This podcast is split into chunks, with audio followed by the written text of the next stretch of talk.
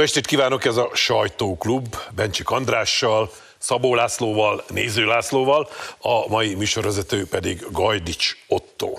És kezdjük mindjárt azzal, hogy volt ebben a műsorban már olyan szituáció, amikor úgy éreztük, hogy valami olyasmiről kell beszélnünk, amit mi régen is tudtunk, sejtettünk, mondtuk is, de mindig hülyének tartottak bennünket, összeesküvés elméletek gyártásával vádoltak meg, aztán lassacskán mégiscsak kiderült, hogy nekünk volt igazunk. Na most egy ilyen dologgal kezdenénk a mai műsort. Az Action for Democracy vezetése kvázi bevallotta, hogy semmiféle mikroadományokról szó nem volt. A guruló dollárok ügyében Soros György adta a dollármilliókat a magyar baloldalnak. Ezt több az X-en megjelent kis videó bizonyítja, ahol ezek az emberek gátlás nélkül ezt elkotyogják. András, meglepődtél? Hát, úgy van, úgy van, ahogy mondod, valóban, hogy sejtettük mi ezt, vagy tudni véltük, hogy valójában soros áll a vagyis én magam rész úgy gondoltam, hogy vagy az Amerikai Egyesült Államok áttétellel helyezte el ezt a pénzt, vagy akár maga Soros is, nem biztos, hogy nagy különbség van a kettő között. Az, hogy ezek a kulcsfigurák, mint a Kati Marton, a Wesley Clark, vagy a, a, ennek a szervezetnek a vezetője, a Korányi Dávid, a angolul mm, baráti médiumnak kipofázzák, kikotyogják ezeket a titkokat. Ez, ebbe az a jó, hogy végül is a, az internet világ olyan gigantikus, hogyha valahol valaki valamit hülyeséget beszél, valaki észreveszi, percek alatt végigszáguld a világon. És kiderült az, amit valóban tudtunk, sejtettünk, hogy eh, létezett egy olyan akarat, és erre nem sajnáltak rettetesen sok pénz, hogy a magyar demokráciát eh, megcsákjázzák, megpróbálják megbuktatni, elsüllyeszteni. Eh, félek attól, hogy az, ami Lengyelországban most nemrég a választáson történt, az viszont arra példa, hogy ott viszont a jelek szerint ez az akció sikerült. Sikerült. Laci? Igen, én innen folytatnám, hogy hogy valóban ugye itt nem csak a magyarról beszélnek, hanem hogy hogy nyúltak bele a lengyel választásba, a szlovák választást is meg akarták hekkelni, a brazil választásokba is belenyúlnak, és nyilván ebből látszik, hogy ez egy világméretű network, Különösen a Wesley Clark a kedvencem, tehát tényleg aztán az összes rettenetesen sikeres amerikai meg NATO ö, akcióban, amerikai katonai akcióban, amely később NATO katonai akciónak a részese volt, tényleg már rettenetesen sokat tett a világ békéért, dél-szláv háború kapcsán, még korábban, fiatal korában Vietnámban, tehát bravo, ö, hogy ő is, ő is úgy gondolja, hogy neki ebben részesnek kell lennie, és, és tényleg meg a meg a stílusa, hogy erről úgy beszélgetnek ilyen lazán nevetgélve, nem? Hogy de aztán csönd, ne beszéljetek róla, mert nem lehet erről be, miközben hát ma már, hogy mondod, az internet világában azt tényleg semmi nem maradt titokba. Teszem hozzá, hál' Istennek egyébként.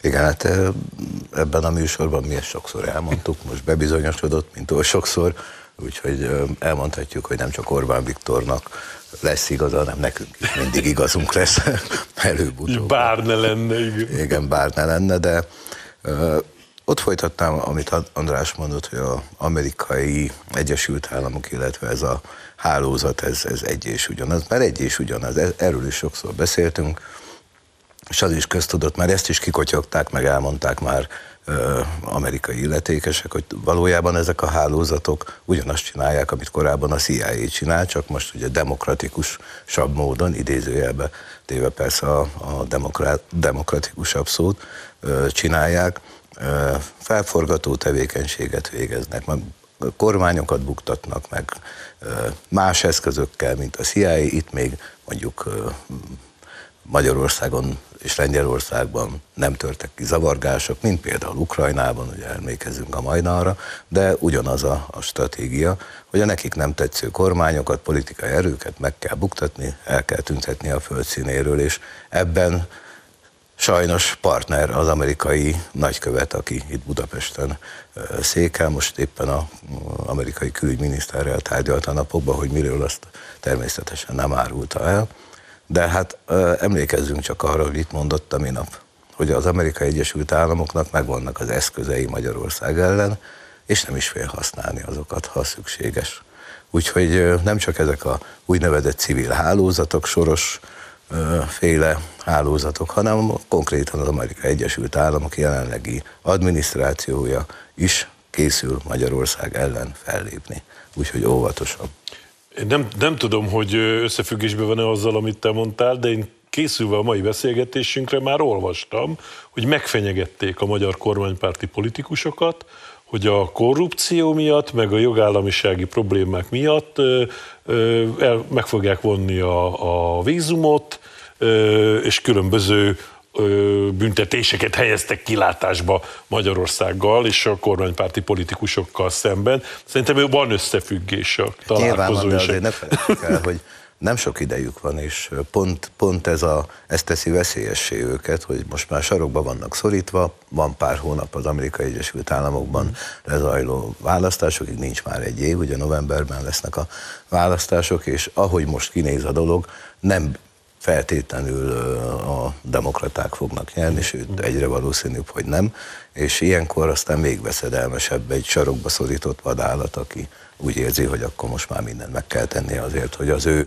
ö, pozíciói megmaradjanak. Igen, igen, ez azért nagyon fontos, amit most mondtál, mert Bogár László mindig fölhívja a figyelmemet arra, hogy amikor erről beszélünk, akkor pontosítsuk, hogy nem az amerikai Egyesült Államokkal van a probléma, hanem azzal a deep state-tel, amelyik demokrata befolyás alatt áll, és ezek az atrocitások, ezek általában olyankor fordulnak elő más országokkal szemben, amikor demokrata kormányzás van, és úgy egyébként pedig a demokratákat is fogva tartja ez a nemzetközi magánpénzbirodalom, amely gyakorlatilag csuklóztatja még a demokrata kormánytagokat is, és hát nem beszélve a világ egyéb országairól. Ami most azért jó végszó, mert át tudunk térni a következő témánkra, mert hogy nem csak Amerikából vannak fenyegetőzések, zsarolások és egyebek, hanem sajnos legfőbb szövetségesünk az Európai Unió egyes országai, meg úgy általában az uniós elit részéről. Volt egy EU csúcs, ahol született egy döntés, amiről most rengeteg minden olvasható a sajtóban erről szól a közélet, hogy most ez hogyan értékeljük. Hát tegyük meg mi is, de előtte hallgassuk meg Orbán Viktort, aki ott volt.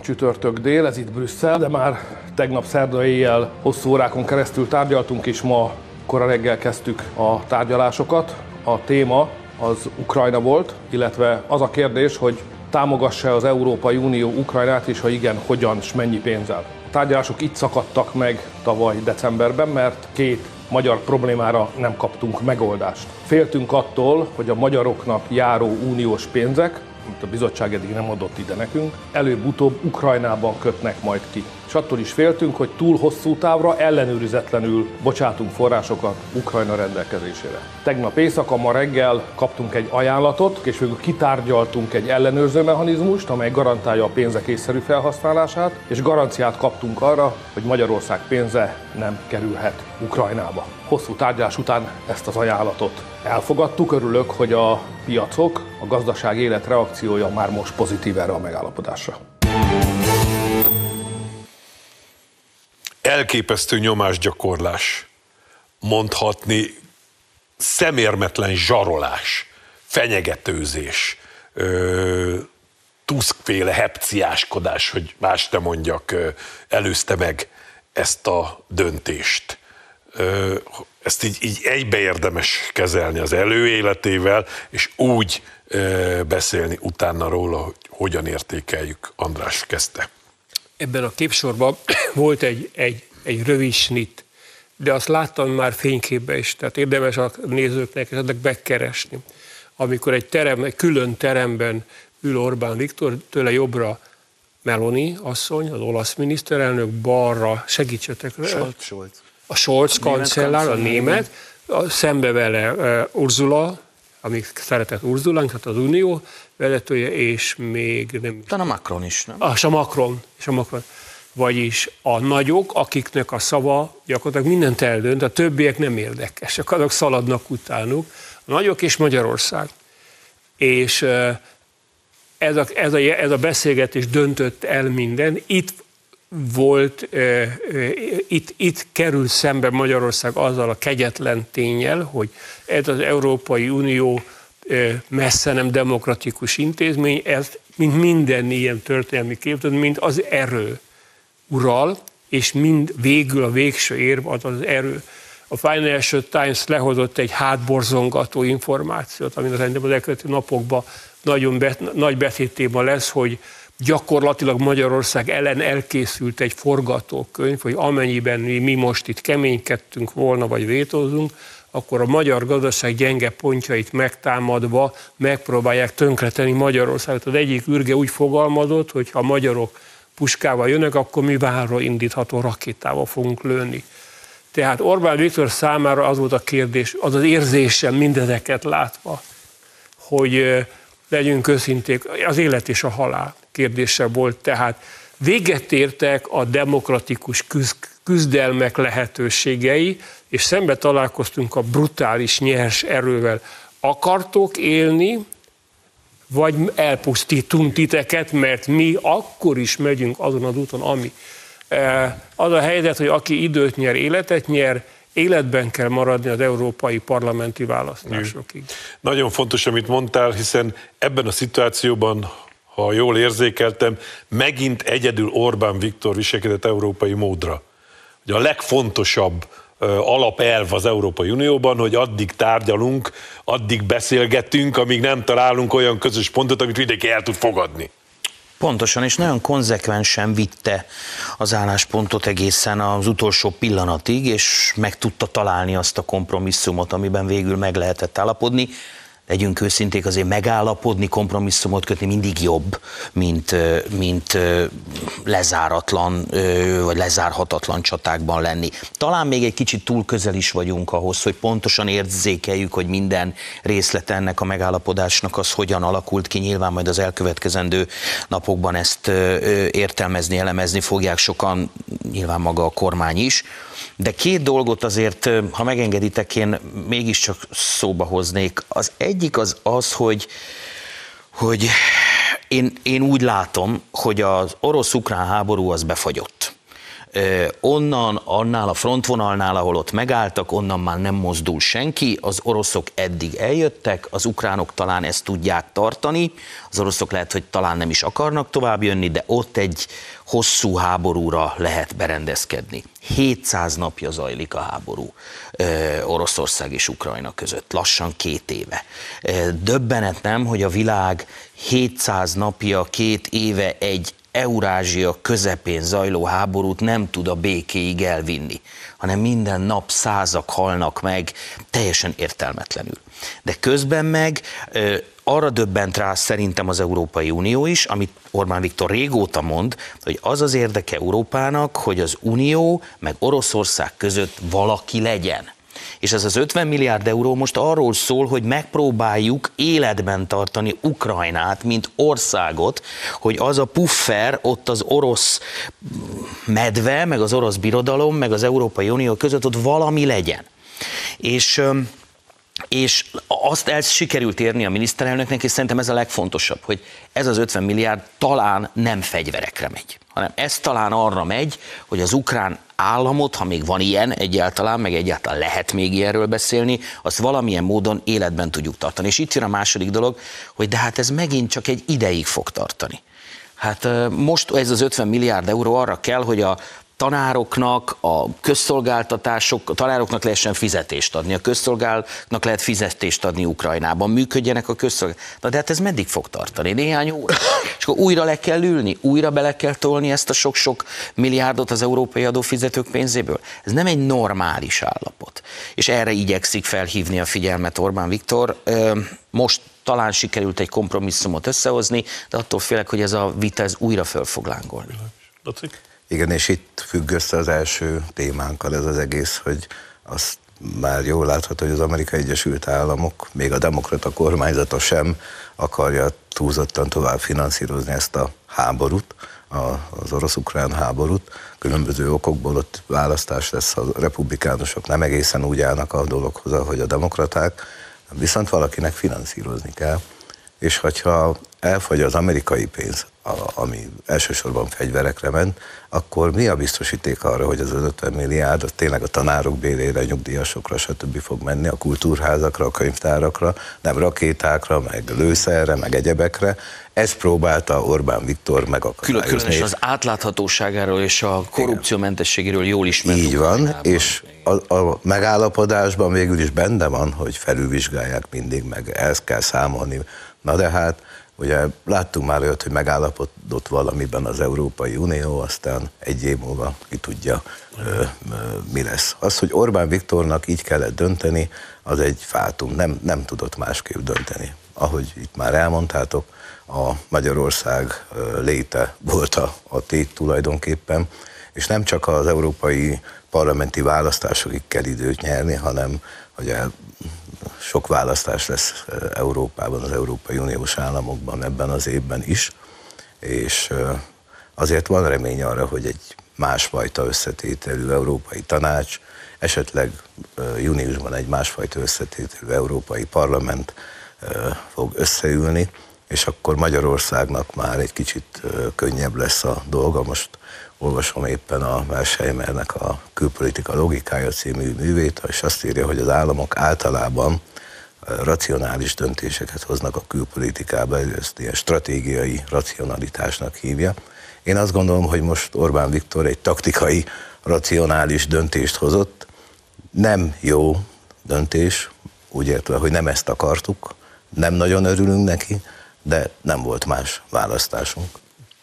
Minden mindennel összefügg, úgy jött ki a lépés, hogy Brüsszelt éppen traktoros gazdák készültek szétverni, amikor ez az uniós csúcs zajlott. Orbán Viktor le is ment közzéjük, no nem azért, hogy velük együtt demonstráljon, de azért ő legalább megint csak egyedüliként Európába meghallgatta őket, hogy mi a csuda bajuk van, és kiderült, hogy ugyanaz a bajuk, mint Magyarországnak. És e, ez is nagyon szorosan összefügg mind a két témánkkal, hogy milyen érdekes, hogy amerikai érdekeltségbe tartozó nagy multinacionális agrárcégek vásárolták föl az ukrán termőföldek százezer hektárjait, és az ott mindenféle tiltott vegyszerrel, GMO-s, génmódosított módon előállított termékekkel elárasztották Európa piacait, amitől Európa gazdái mennek szépen lassan tönkre. Na ezt hogyan értékelitek, hogy, hogy mi, mi, mi folyik itt kérem szépen Európa önként megy a halálba? Miért csinálják ezt? Megint egy pici snit, egy, egy rövid kísérlet, amiben megint benne van szinte az egész európai történelem. Van egy európai politikus, úgy hívják, hogy Orbán Viktor, miniszterelnök, magas beosztású személy, aki nem csak úgy látja az utcán a tüntető gazdák, hanem oda is megy, és szót vált velük. Uraim, hát maguk mit csinál? Hát mit ünne? És miért? Hát mert ezért meg azért. Tényleg? Hát én is ugyanígy gondolkodok erről. Köszönöm szépen, viszont látás, ment a dolgát intézni. De legalább oda ment és észrevett. A többiek úgy tesznek, mintha nem is léteznének. Amúgy érdekességképpen megemlítem, hogy Jakab István, a Magos elnöke bejelentette, hogy kb. egy hét múlva tervezik, hogy Záhonynál a magyar gazdák is kivonulnának, ugyan, ugyanezen okból, amiért Brüsszelbe mennek, hogy, hogy ugyanis az, az, hogy felszabadították, meghosszabbították a vámmentes behozatalt Ukrajnából, ez tönkre fogja tenni az egész európai mezőgazdaságot. Azért az félelmetes, hogy oda mennek tüntetni, Franciaországba elállják az utcákat, Németországba, Brüsszelbe, oda mennek az Unió fővárosába, és egyetlen egy államfő van, aki észreveszi őket és szóba áll velük, azért ez félelmetes. Arra kérném a két Lászlót, hogy el ne felejtsétek a gondolataitokat mindenről. Most tartunk egy rövid kis szünetet, nézzünk reklámot, egyebeket, és utána ezzel folytatjuk. Ti mondhatjátok el a gazdákról a véleményeteket.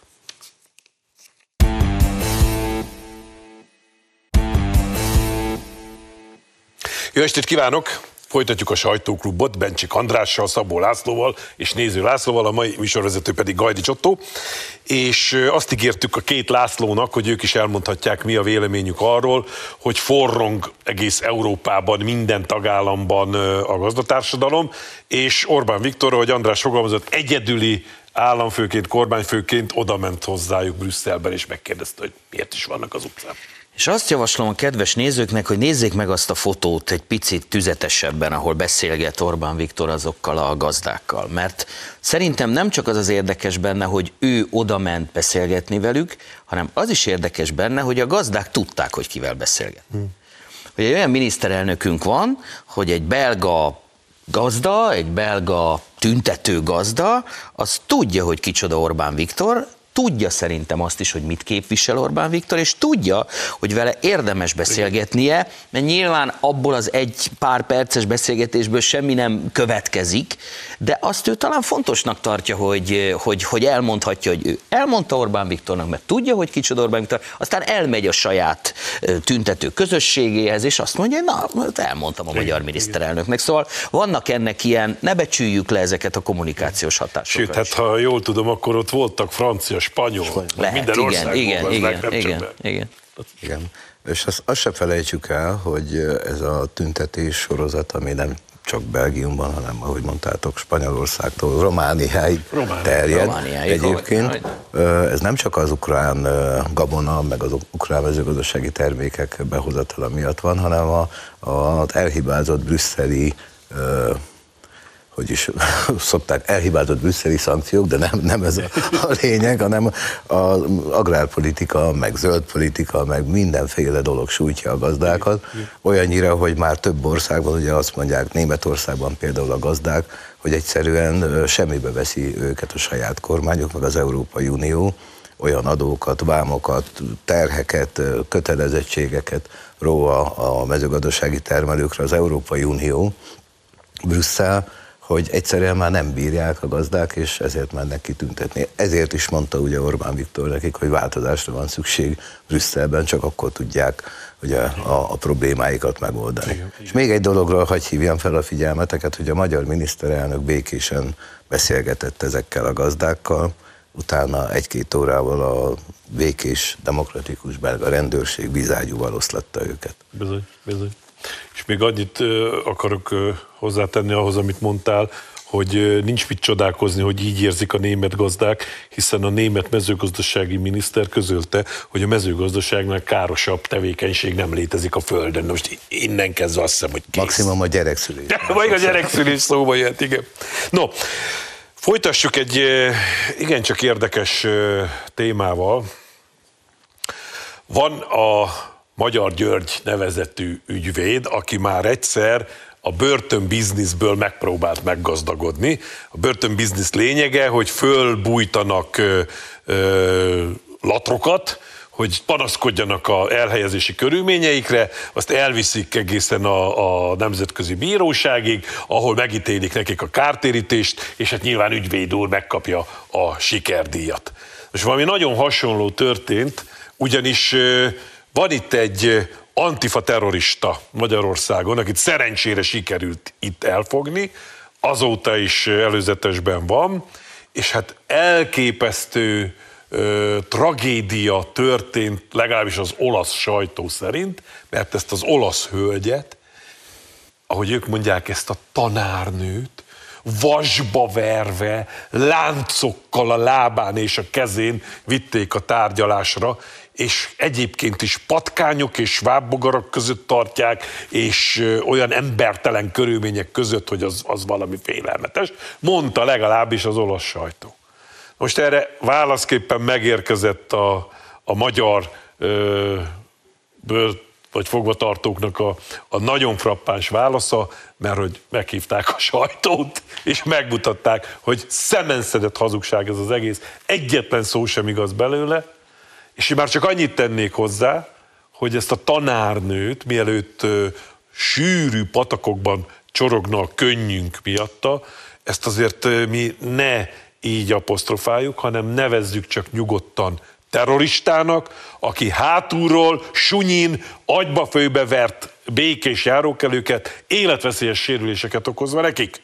Szóval így érdemes tekinteni a történet teljességét.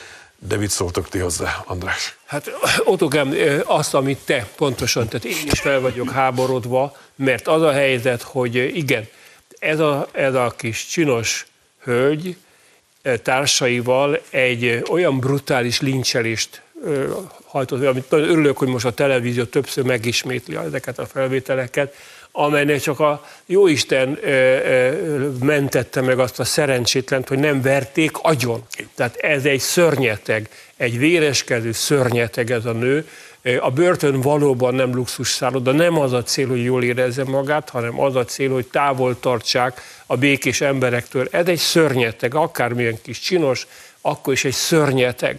És hogy az egész azért bír aktualitással, mert van egy egy, egy meg nem oldott problémánk, ez pedig a budavári kitörés, a második világháborús kitörés napja, február 11, amikor a várvédők a dicső és a dicstelen halál között választhattak körülbelül, és a kirohanást, a úgymond dicső halált választották, túlnyomó részük meg is halt, körülbelül egy golyó volt egy pisztolyban, ilyen sanszuk volt az oroszokkal szemben. Erre Magyarországon valahogy nem tudunk vele mit kezdeni, ezért Magyarországon jobboldali szervezetek igyekeznek erre emlékezni, erre reagálva jönnek ide a baloldali, szélső baloldali terroristák, és míg a magyarországi jobboldal maximum addig megy el, hogy, hogy mondjuk gyalogol egyet, ezek törnek, zúznak, ütnek, vernek, és ha lehet, akkor gyilkolnak.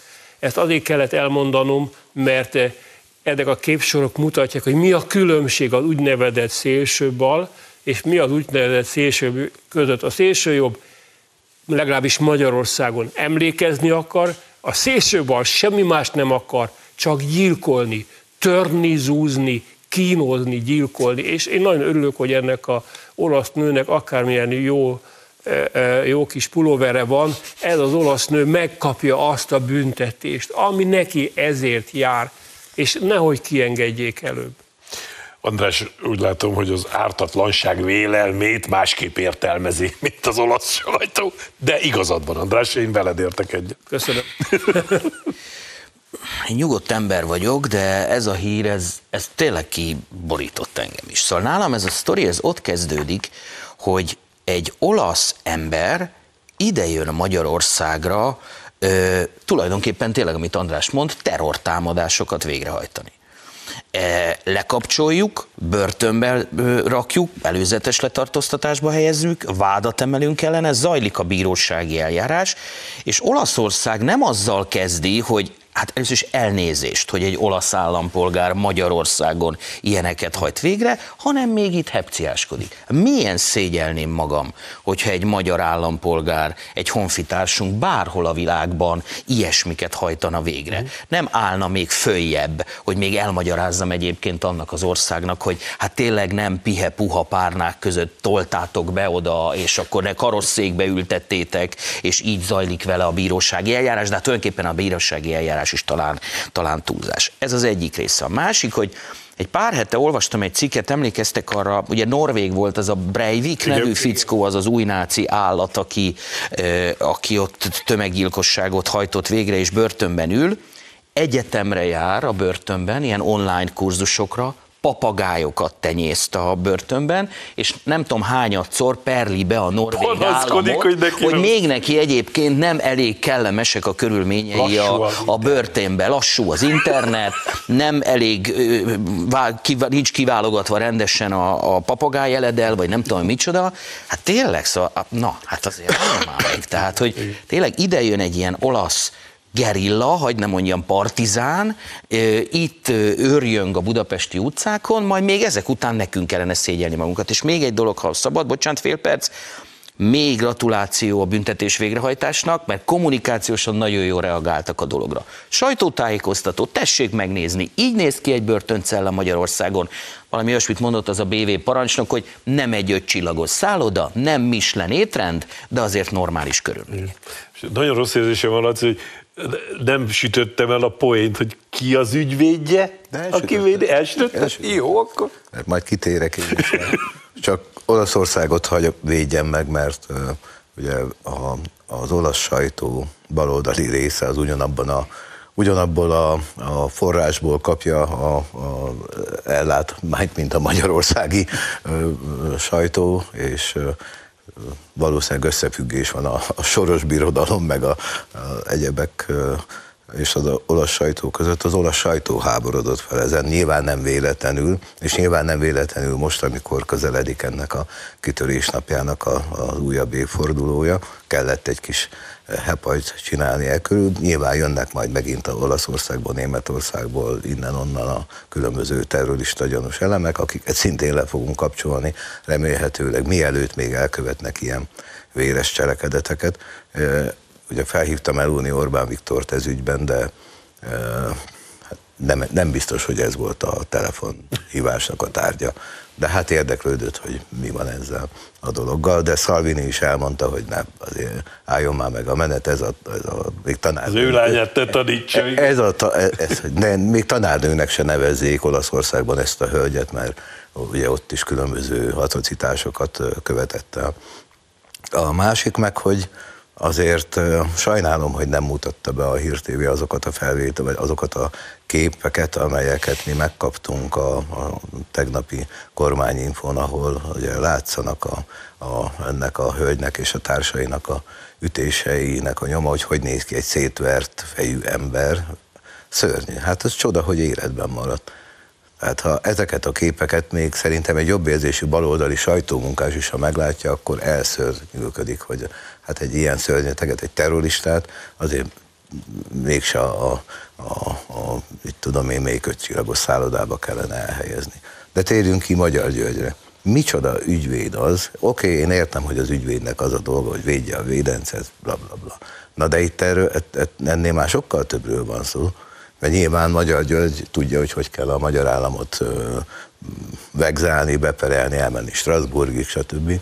És felbíztatja valószínűleg ezt a nőt eh, egy ilyenre a ha- saját hazája ellen, mikor egyébként Magyar György pontosan tudja, hogy ezek a börtönkörülmények hát ilyenek, amilyenek.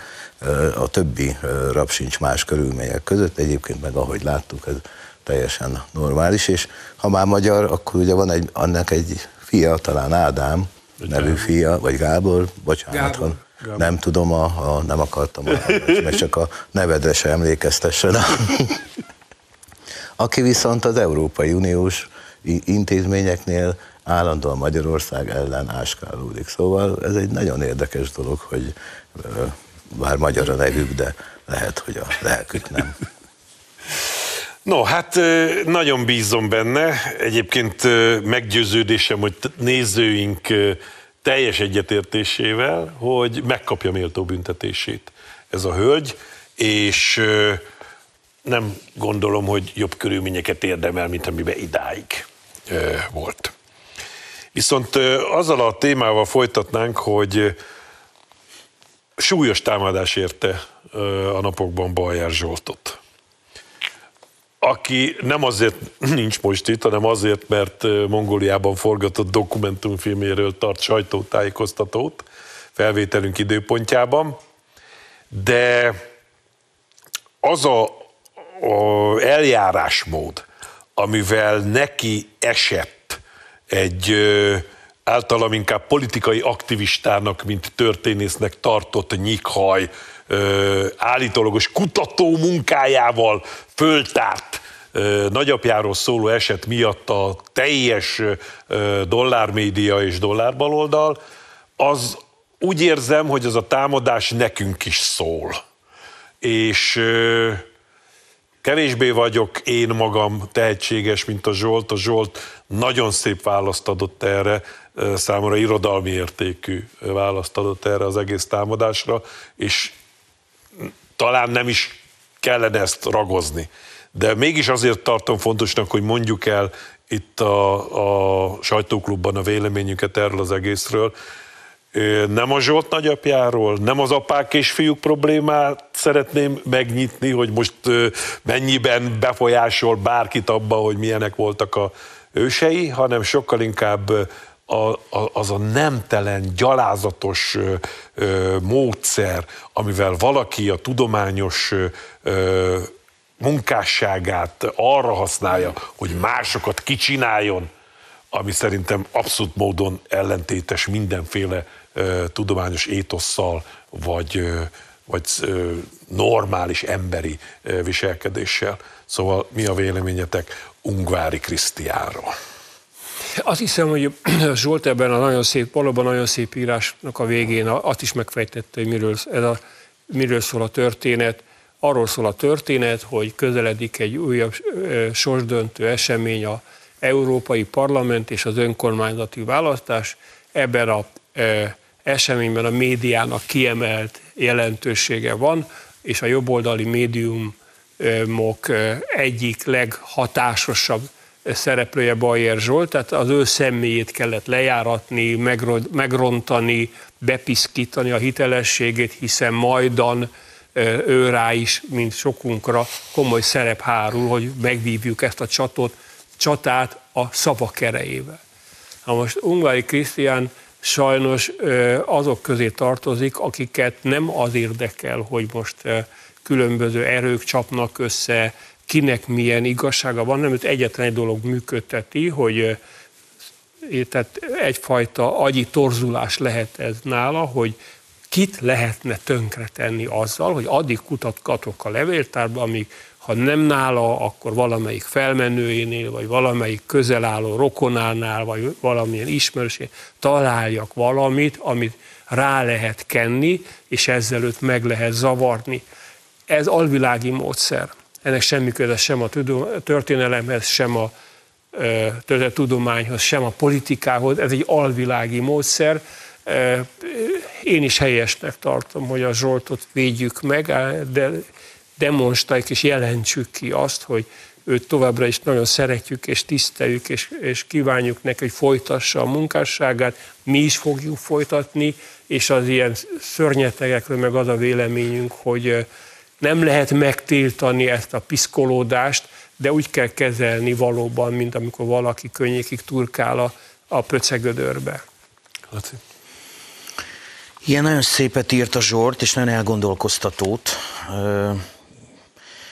Én is egy kétszer-háromszor elolvastam, mert annyi, annyi fontos szó meg mondat van benne, kifejezetten megható részletekkel, úgyhogy tényleg azzal kell kezdenünk ilyenkor, amikor ez van, és szerintem minden a polgári konzervatív oldalhoz tartozó embernek ilyenkor világossá kell tennie, hogy, hogy Bayer Zsolt, je suis Bayer Zsolt.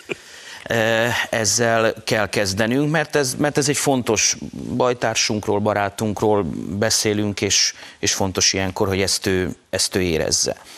A másik része az az, hogy egy kicsit tágabb összefüggésbe, hogy hogy azért mi magyarok elég sokat dolgoztunk azon, hogy, hogy szembenézzünk a saját, a saját múltunkkal. Nekünk van terrorháza múzeumunk, van számtalan emlékpontunk, talán egyszer a Sorsok háza is majd elkészül, filmek, könyvek készültek, tehát, tehát azért azt Ungvári Krisztiánnak az a rejtett mondása, hogy mi itt, hogy nekünk állandóan és folyamatosan fölhánytor, föl, föl, föl, fölhánytorgatja, hogy ezt nem tesszük meg, ez egyszerűen nem igaz. Ez egyszerűen nem igaz. És a harmadik része, amit, a, amit az András tökéletesen elmondott, hát itt valójában nyilvánvalóan, valójában nem is a Zsoltról van szó, nem is a szemben, múltal való szembenézésről, ez egy politikai akció, ezt kell benne látni.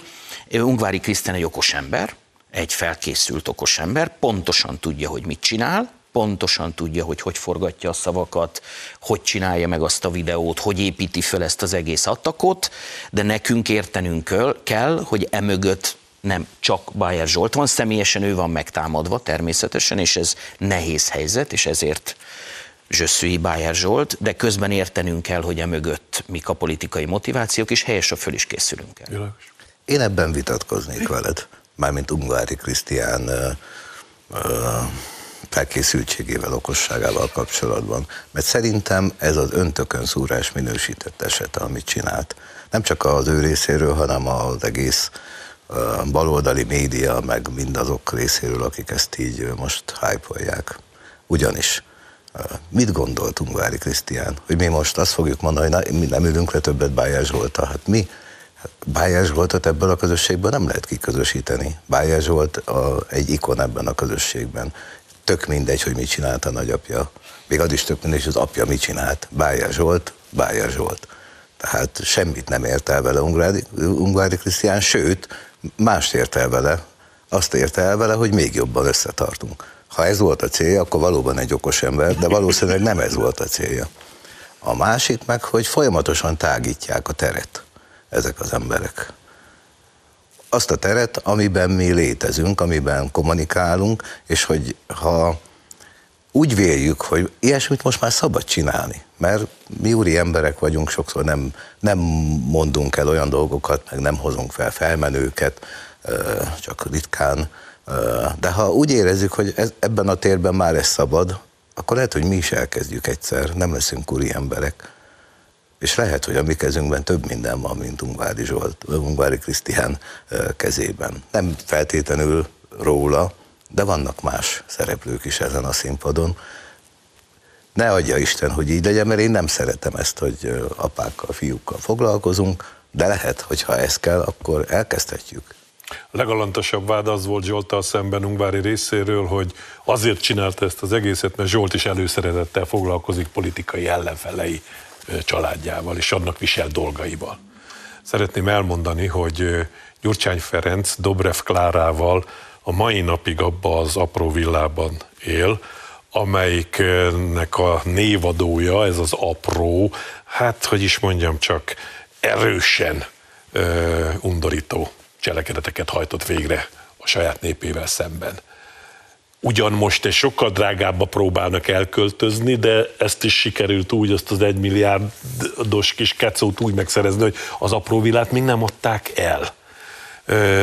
Tehát, ha Bajer Zsolt, vagy akármelyikünk fölhozza Gyurcsányékkal szemben az apró villát, az nem kezelhető egy lapon azzal, amit most Ungvári művelt Orbán, vagy Bajer Zsolt nagyapjával. És Bajer Zsolt világosan évtizedek óta szembefordult mind a barna, mind a vörös állatsággal, és tragédiaként kezeli mind a kettőt. És innen kezdve őt nácizni, kommunistázni, és mindenféle aljas szemétséggel lejáratni, na hát ezt baromi gyorsan fejezze be a másik oldalon. Mindenki. Ez meggyőződésem. És akkor erről még sokat fogunk beszélni a következő sajtóklubokban, de most sajnos lejárt a műsoridőnk, úgyhogy ezzel búcsúzunk nézőinktől, akiknek nagyon szépen köszönöm a megtisztelő figyelmet. Jövő héten is lesz sajtóklub, addig is nézzék a Hír TV-t a viszontlátásra.